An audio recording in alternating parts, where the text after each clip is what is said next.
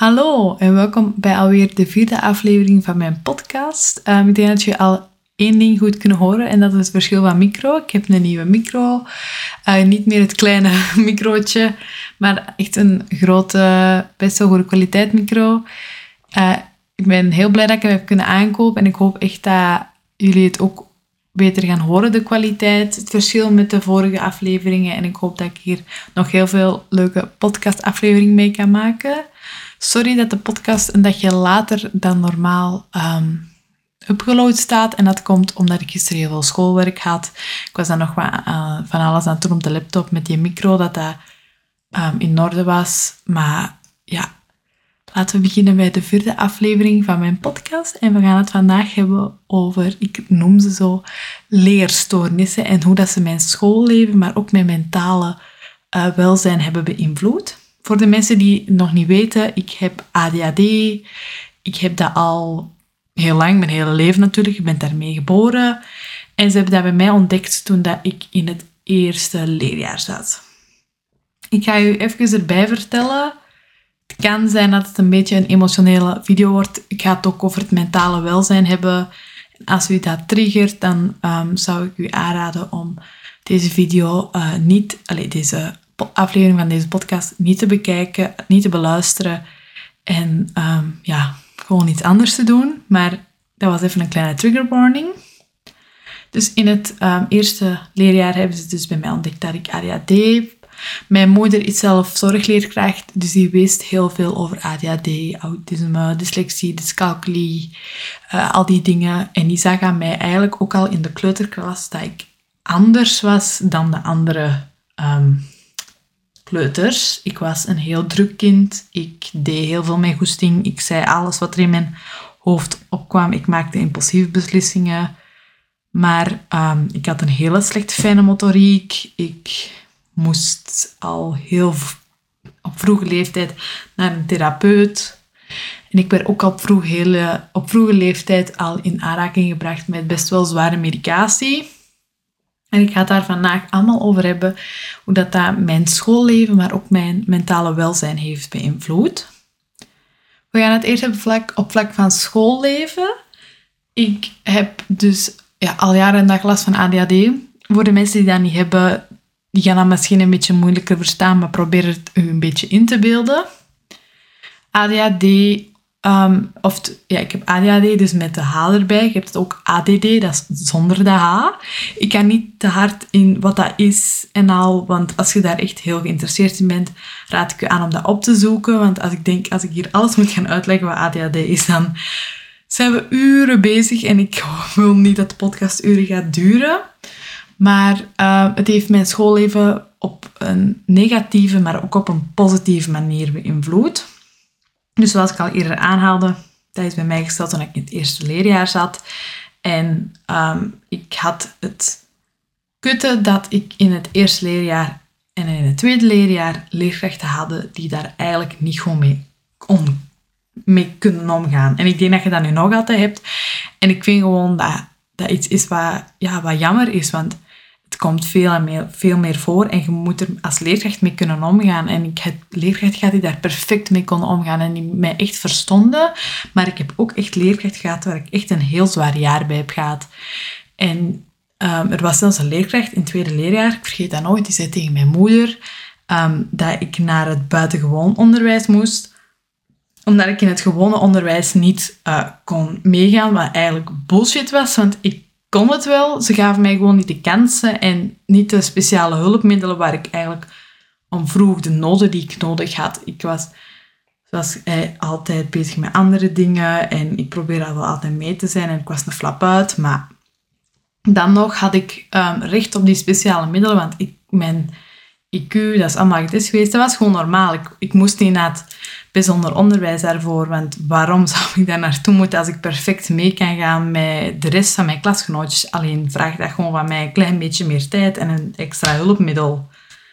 Dus dat was geen fijne periode voor mij, dat tweede leerjaar. Ik ben heel blij dat ik ook van die leerkracht vanaf ben. Mijn moeder is nog altijd boos op die leerkracht.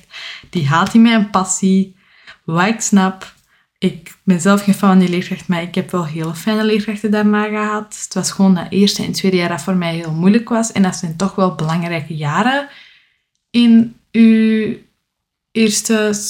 In als je naar het lagere school bent, is zo de eerste en tweede zo toch wel wat belangrijke jaren. Dat is toch, je gaat van een kleuterklas naar de eerste en tweede. Je leert van alles nieuws, zoals de maaltafel, schrijven, al die dingen. En als het daar al misloopt, dan bouwt je eigenlijk al een achterstand op voor de rest van je leven. Gelukkig is dat bij mij eigenlijk niet gebeurd en ik heb altijd een hele fijne lagere schoolperiode gehad. Ik had um, grondbegeleiding, dus dat noemde toen grondbegeleiding. Dat was een leerkracht die kwam van een soort ja, vroeger noemde dat grondbegeleiding, nu noemt dat helemaal anders. Maar dat was dus een persoon en die kwam dan één keer in de week me halen uit de klas. En dan deden we allemaal samen dingen. Ik mocht ook voor wiskunde naar het zorgklasje, omdat ik ook dyscalculie heb. Maar ja, met ADHD en zo, ik draai ook getallen om. En dat was ook veel rustiger voor mij, dat ik met wiskunde alleen zat in een klasje met twee, drie andere leerlingen. En ik heb eigenlijk op mijn lagere school best wel nog een fijne tijd gehad. Uh, ook leerkrachten die daar heel veel rekening mee houden. Ik heb heel veel ondersteuning gekregen.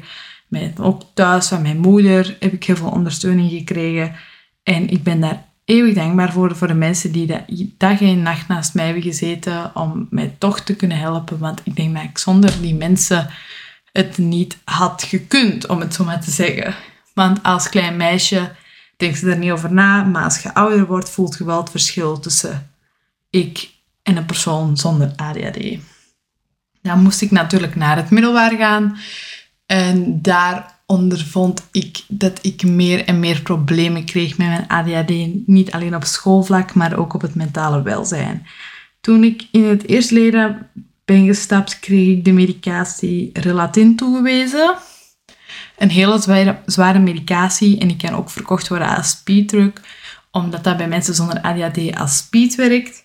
En het was ook wel een risico um, medicatie. Ik heb dat altijd um, gepakt tot ik denk het einde van het zesde middelbaar. En ik pak dat nu ook alleen maar uh, voor de examens, omdat ik merkte dat ik um, me niet kan concentreren tijdens de examens zonder.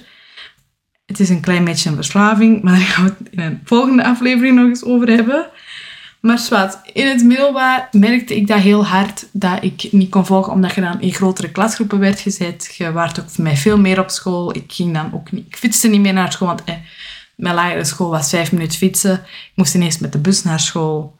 En ik merkte toen wel van, oh shit, ik ben anders dan de rest. Ik, je moet je dat inbeelden, dat als je op een super drukke bus zit, s'morgens, dat de prikkels die jij binnenkrijgt, die worden bij u heel goed gefilterd. Maar bij mij niet. Bij mij komen die prikkels tien keer harder binnen en ik word daar echt over vermoeid van dat ik echt dagen heb gehad in het middelbaar dat ik thuis kwam, dat ik echt dood op was, terwijl ik eigenlijk een gewoon normale schooldag heb gehad, maar omdat het zo druk was rond mij, dat ik echt gewoon dood op was. En heel veel mensen noemden mij dan ook lui, maar ik ga eerlijk zijn, ik was niet lui, ik was doodmoe, want mijn lichaam deed zo hard mijn best om al die prikkels die ik tegelijk binnenkreeg te verwerken, maar dat kon gewoon niet. Dus ik was gewoon op op het einde van een dag. Heel veel mensen merkten ook het verschil bij mij, omdat ik wel iemand was die heel een flap uit is, noem ik dat altijd. Ik ben heel impulsief. Ik doe impulsieve dingen. Ik zeg wat ik denk. Dus heel veel mensen en leerkrachten vonden mij dan ook ja, bitchy, om het zo maar te zeggen. Terwijl ik dat eigenlijk niet zo bedoelde. Ik was ook iemand die dan ja, te eerlijk was in sommige dingen. Dus ik zei dan ook echt wat ik dacht. En dat kwam niet altijd even goed binnen bij mensen, maar ook niet bij leerkrachten. En ik weet nog wel dat ik echt op de deur tegen me dacht wat is er, wat is er, what the fuck, wat, heb ik, wat, doe ik hier? Allee, niemand mag mij of zo, want ik, ik zeg allemaal dingen die je eigenlijk niet moet zeggen. Ik ben super druk en al die dingen en ik vond het echt niet leuk. En dan zijn wij naar een neuroloog gegaan. Heb ik mijn medicatie um, hoger gekregen, heb ik um, hogere medicatie gekregen, nog wel relatief, maar in een hogere dosis.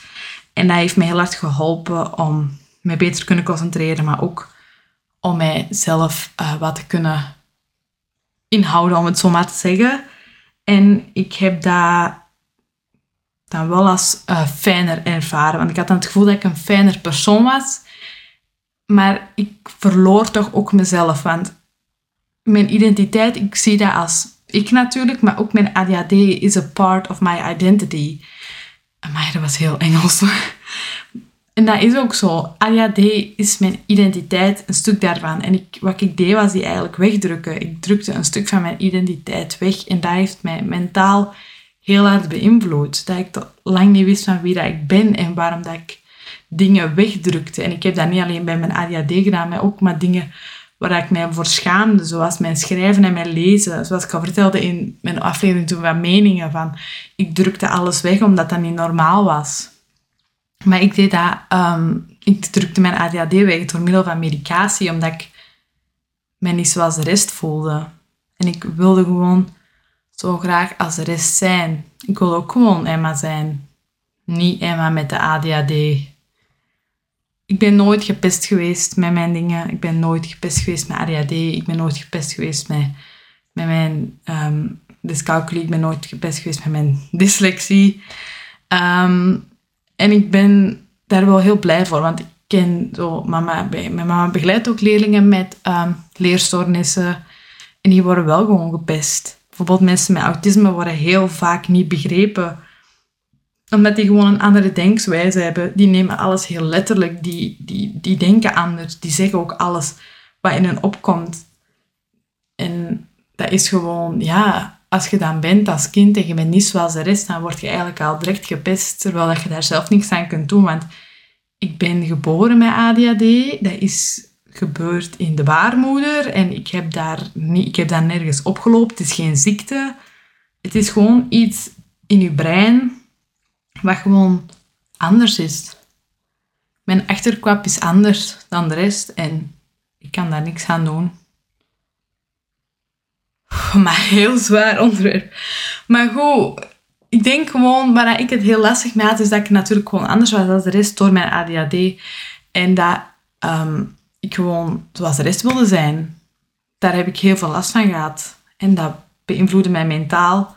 Maar ook heb ik heel veel spijt dat ik ooit met zwaardere medicatie van Relatin ben begonnen. Want ehm, ik heb daardoor gemerkt dat ik ook somberder werd. Ik was niet meer blije Emma. Ik was gewoon neutraal, maar ik was ook wel verdrietiger. En dan in die tijd dat, de, dat je zo met je hormonen en al begint in je puberteit, dan vermaak je verschillende emoties mee. En ik maakte precies alleen maar verdrietig en, en boos en zo.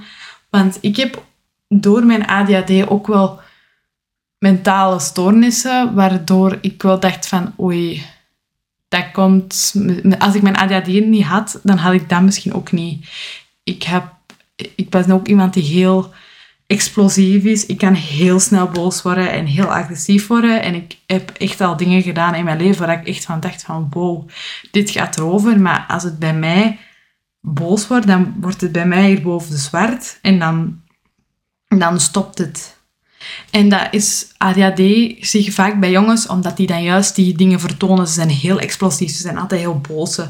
Die dingen. En bij een meisje wordt dat nooit echt aangehaald, maar het is er wel. Meisjes met ADHD hebben dat ook. Wij kunnen ook heel explosief zijn. Wij kunnen ook heel boos worden. Wij kunnen heel agressief worden. En wij kunnen daar niks aan doen, maar wij schamen ons daar wel heel diep voor. Ik heb daar met mijn therapeut ook rondgewerkt. Van kijk, ik heb dingen gedaan, shit gezegd, die ik totaal niet fijn vind, waar ik echt mijn schuldgevoel voor loop. Dat ze echt zeggen mij zegt, je kunt daar niks aan doen. Maar het is niet oké. We keuren het niet goed. Dus toen hebben we samen gezegd van, oké, wat gaat het doen? Misschien moeten we een stappenplan maken van als jij boos wordt, van hoe kunnen we dat dan stoppen? Maar ik merk gewoon dat eenmaal dat ik zo boos ben, dat, het gewoon, dat ik niet terug naar mijn kalme zelf kan worden. En dat is gewoon iets dat ik dacht van, weet je, als ik mijn... Dat heb ik heel vaak gedacht van, waarom heb ik die fucking ADHD? Als ik die ADHD niet had, dan had ik geen woede aanvallen. Dan had ik geen last van, ik ben niet uh, zoals iedereen. En dan had ik ook geen last van mijn bipolaire stoornis. Punt uit.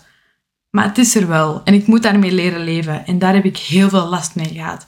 Met te kunnen leren leven met mijn woedeaanvallen, met mijn ADHD, met mijn bipolaire stoornis. ik vond dat zo moeilijk, maar het is mij wel gelukt, want ik, ik adem nog steeds. En ik heb een heel moeilijke periode gehad, maar ik voel nu wel dat ik oké ben. Ik voel dat ik me goed voel. Ik heb, mijn, ik heb dat geaccepteerd wie ik ben en ik werk nog altijd aan mezelf. Maar ik ben Emma en ik heb ADHD en ik durf dat nu open en bloot te zeggen. Maar vraag me dat niet om dat zoveel jaar geleden te zeggen, want dan zei ik gewoon niks. Heel, ja, heel heftig en heel veel geratel. Maar ik denk dat voor mensen die niet luisteren en die ook ADHD hebben of autisme of um, andere storen, een andere leerstoornis, die ook wel merken van, oh, iemand die snapt dat zich ook anders voelt. Want ook al heb je alleen maar dyslexie, dan voelt je nog steeds anders dan de rest. Want dan worden vaker erop af, wordt er vaker op getest dat je niet kunt schrijven en dit en dat. Of je kunt daar niks aan doen. Je kunt daar letterlijk niks aan doen. Je bent zo geboren en dat maakt niet uit. Door heel veel te oefenen gaat dat ook niet weggaan of zo. Hè. Er is geen pil of oefening dat je autisme, je ADHD, je dyslexie, je dyscalculie weg laat gaan. Dat is er niet. Want als dat er was, zoveel jaar geleden had ik echt een pil gepakt tegen ADHD, maar dat is er niet. Het is er om, het, om je leven wat te beteren met ADHD, zoals hier Latin. Maar er zijn ook zware gevolgen van. Ik heb een hartritmestoornis gekregen van mijn relatin. Of ik ben daar toch wel vrij zeker van dat ik dat heb gekregen door mijn relatin. En ik merk nu wel in het dagelijks leven dat ik daar nog wel altijd last van heb. Ook al neem ik mijn relatin niet meer in. Ik heb nog altijd een hartritmestoornis. Nu niet een heel erge, hè. Maar ik heb het wel. En ik heb er last van gehad, ook met LO, um, dat, mijn, ik echt gewoon voelde of dat iemand mijn keel dichtknijpt. Als ik ben gaan fitnessen, voelt dat ook zo. Als ik gewoon um, een rondje ga lopen, voel ik dat. Als ik ging lopen voor de bus, dat ik echt op de bus kwam dacht van, wow, ik heb geen conditie. Jawel, maar je hart doet gewoon dubbele toeren. Dus je wordt moer, zeg maar. En dat is gekomen door die relatie. En ik blame daar niemand voor. Met die keuze is toen gemaakt. En het heeft mij geholpen, maar het heeft ook wel nadelige gevolgen gehad voor mij. Maar dat is, dat is oké. En ik ben blij dat ik toch wel Relatin heb genomen, want dat heeft me ook wel wat geleerd om er wel mee om te gaan uh, met die medicatie. Want het is geen lichte medicatie, er hangt ook veel neurologisch vanaf. Ik heb ook elk jaar, aan, toen ik dat pakte, naar een neuroloog moeten gaan. En dan heb ik ook hartfilmpjes moeten laten maken um, zo eens een keer een muts op moeten hebben, dat ze in mijn brein konden zien en al. Maar anyway, ik ben wel goed opgevolgd voor mijn ADHD en ik heb daar de luxe in gehad dat ik goed ben opgevolgd.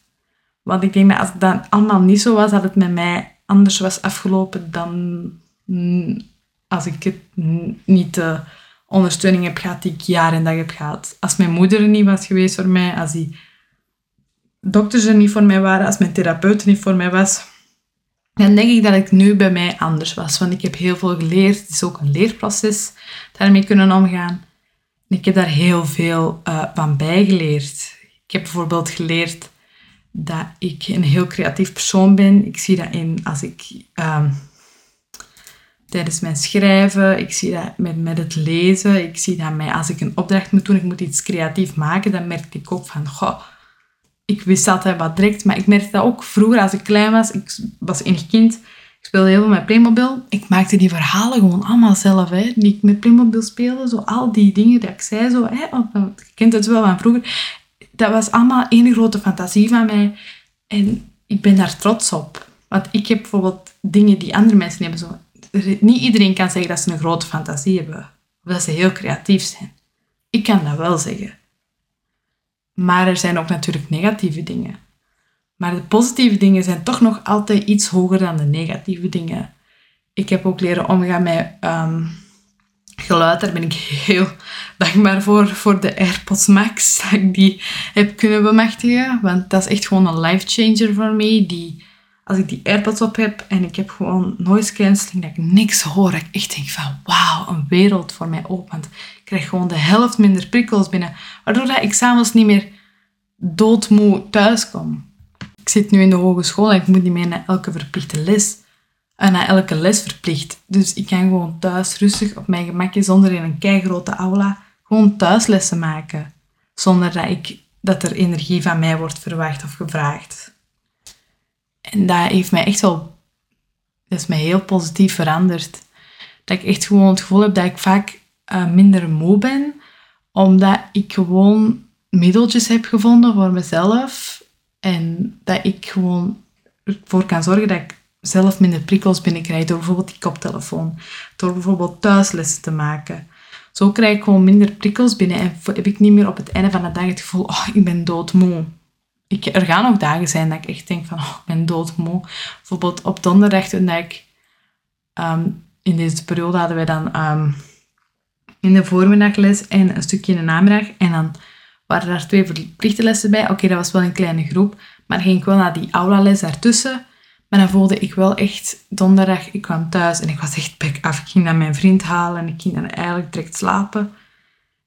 Dus ja, ik was dan gewoon bek af. En dan voelde ik dat wel. Maar het zou nog erger zijn geweest, zoals, eh, zoals vroeger, als ik dan nog op die overvolle, overvolle bus moest. Waar ik veel geluid was, daar heb ik ook weer dan eh, die koptelefoon die reden ervoor. Dat zorgt er dan toch ook weer voor dat het niet meer zo erg is. Want er zijn echt periodes geweest in het middelbaar dat ik echt thuis kwam en dat ik gewoon back af was en dat ik niks meer kon doen voor school. En dat ik echt gewoon huilde in mijn bed en zei, waarom ben ik zo moe en waarom kan ik niks doen? Dat ik mij wel dat forceerde dat te doen, maar dat lukte gewoon niet, omdat ik dood, dood moe was. Omdat mijn concentratie gewoon, die was weg. Dat ik zo moe was. En omdat mijn ADHD op een gegeven moment zei van, het gaat niet meer. Je moet nu echt even in een niet prikkelende omgeving zijn en gewoon even kalm worden. Maar ik heb heel veel geleerd door de jaren heen en ik ben daar heel, heel blij voor. Want ik merk nu wel dat ik als persoon gegroeid ben en dat ik mij ook heel goed in mijn vel voel. Er zijn ook jaren geweest waar ik echt dacht van, dit komt niet goed. Zo een andere podcastaflevering. Ah ja, ik heb ook even nog een kleine disclaimers hiertussen. Als je me nog over andere topics wil horen praten, mag je altijd doorsturen. Ik heb een lijstje. Ik heb dat eens gevraagd, maar zeker niet vergeten. Als je echt me over een specifiek ding wil horen praten, stuur dat allemaal door. Ik heb dat heel graag als mensen dat doorsturen, want ik heb wel veel ideeën, maar mijn ideeën blijven niet groeien. Maar goed, ik wil gewoon iedereen die nu luistert en die dit hoort en die misschien denkt van, ook al heeft hij nooit de diagnose ADHD gekregen of een andere diagnose, maar die zich voelt aangesproken. Het is oké dat jij je echt niet zo voelt als de rest. Het is oké dat jij s'avonds bek af bent omdat jij zoveel prikkels hebt binnengekregen. Want als mensen is dat ook niet gezond. Ook al heb je geen ADHD, dat is niet gezond als persoon om dagelijks zoveel prikkels binnen te krijgen. En dat maakt u geen lui persoon. Je bent niet anders als de rest. Je hebt het gewoon wat moeilijker. En ik hoop dat jullie nu echt, als jullie dat horen, dat jullie daar iets aan hebben. En dat jullie dat ook meenemen. En voor iedereen die ADHD heeft en die zich eindelijk gehoord voelt, het wordt wel echt beter. En het is een proces en het blijft een proces voor het hele leven. Maar hoe ouder je wordt, hoe beter je je gaat voelen en hoe makkelijker je met dingen gaat kunnen omgaan als vroeger. Want vroeger was het leven echt een hel dat mijn moeder echt vertelde. Ik was klein en ik voelde mij door geen enkele leerkracht begrepen. Ik voelde mij door geen enkele klasgenoot begrepen. Ik voelde mezelf niet begrepen soms door mijn eigen ouders. Maar ik stond dan in de douche en ik was dan klaar met douchen en ik, ik was echt aan het huilen. En als mama zei tegen mij, ik snap het wat je bedoelt. Ik begrijp u en ik ga u helpen. En die woorden hebben mij zoveel kracht gegeven op dat moment dat ik echt in tranen uitbarsten, omdat ik zo had van eindelijk, er viel een last van mijn schouders, dat iemand eindelijk tegen mij zei, ik begrijp u, ik snap u, we gaan dat samen oplossen. En ik hoop gewoon voor iedereen die dat nu hoort, deze, dat dat ook een soort, dat ik ook een soort mijn mama ben toen op dat moment, dat ik ook voor jullie nu even iemand kan zijn die de last van jullie schouders afhaalt en kan zeggen, het is oké, ik versta wat je bedoelt, ik begrijp het, het komt in orde, we gaan er samen voor zorgen. En ik hoop dat echt oprecht. Want dat heeft op dat moment echt wel mijn leven wat gered, zeg maar. Mijn moeder heeft heel veel tijd in mij gestoken. Ah, mijn grondbegeleiding heeft heel veel tijd in mij gestoken. Mijn therapeut. Maar ook leerkrachten. En ik ben daar voor iedereen eeuwig dankbaar voor. Ik ben ook eeuwig dankbaar voor al mijn vrienden die mij, ondanks mijn rare dingen altijd hebben gesteund en die ook al hadden ze geen ADHD, toch wel begrepen en toch wel zeiden van nee, ik snap het, het is geen probleem. Die gewoon mij snapte. En ik denk dat ik daar heel blij om ben. Want er zijn nog altijd situaties waar ik denk van, ik durf het niet te vertellen. De echte reden, omdat ik bang ben dat ze me niet gaan begrijpen. Ik heb dat vooral op mijn studentenjob, want niemand weet dat daar natuurlijk. Ik ga het daar ook niet open en bloot vertellen. Maar ik heb bijvoorbeeld, als ik nu wel zoiets heb van, ik kan me altijd beschikbaar zetten wanneer ik wil. En ik heb dat in de vakantie, heb ik mij de eerste weken van juli erop gezet. En dan um, vroeg mijn planster voor zo één extra dag van die dagen. En ik durfde zo precies nog niet goed te zeggen van ja, ik wil dat niet, want ik heb dan het gevoel dat het veel te druk voor mij gaat zijn en dit en dat. Maar ik heb dat dan wel toegezegd. Maar dat zijn nog altijd zo'n leermomenten dat ik toch moet zeggen van nee, Emma, je bent een student. Je moogt nee zeggen en je moet ook denken aan jezelf. Dus daarmee, maar ik ben wel heel dankbaar, ook op het werk. Ook al weet ze het dan niet, maar ik ben wel gewoon heel dankbaar voor iedereen en dat ze het wel altijd gewoon begrijpen, ook al weet ze het niet. Maar dat ze wel gewoon altijd alles snappen wat ik bedoel. Ik zie dat we echt al bijna aan onze tijd zitten. Want ik probeer mijn um, ja, podcast toch wel 30 minuutjes te houden. Omdat ik weet dat te lange podcasten mij toch altijd doen vervelen. Ik weet natuurlijk niet wat jullie zeggen. Dus Let your thoughts know. Ik ga echt stoppen met Engels praten, want dat is echt niet fijn. Maar laat gewoon weten wat jullie vinden. Of dat ik het eh, langer moet doen dan 30 minuten. Of zo rond de 30 minuten moet houden. Maar ik vond het een best wel zwaar onderwerp. Ik weet niet of dat iets soms heb gehoord. Dat ik even zo een brok in mijn keel moest wegslikken. Omdat het toch wel heel veel leuke, maar ook nare herinneringen naar boven haalt. En ik ben gewoon heel trots op mezelf dat ik hier nu over kan praten. En dat ik nu gewoon ja, tegen want ik weet dat mijn vrienden luisteren, maar ook tegen misschien mensen die mij totaal niet kennen, nu kan zeggen van kijk, ik heb ADHD en that's my life. Want ADHD wordt tegenwoordig soms heel hard genormaliseerd, terwijl dat iets is wat eigenlijk niet genormaliseerd mag worden. Want ook al hebben we wel wat mensen dat het is en blijft iets wat niet alleen jouw schoolsleven moeilijk maakt, maar ook jouw mentale leven en in sommige gevallen zelfs je fysieke leven is niet zomaar een kleine stoornis, zoals heel veel mensen denken en denken dat iedereen dat heeft. Maar goed, dit is het einde van mijn podcast. Dankjewel voor het luisteren. En ik zie jullie volgende week dinsdag weer. En dan hoop ik dat ik hem op tijd klaar heb. Ik ga proberen hem dit weekend al te maken, de volgende podcast. En ja, dan komt hem dinsdag online. En wie weet komen er in de toekomst wel meerdere podcasts in de week online. Super bedankt voor het luisteren en ik zie jullie allemaal heel graag, wie er ook luistert.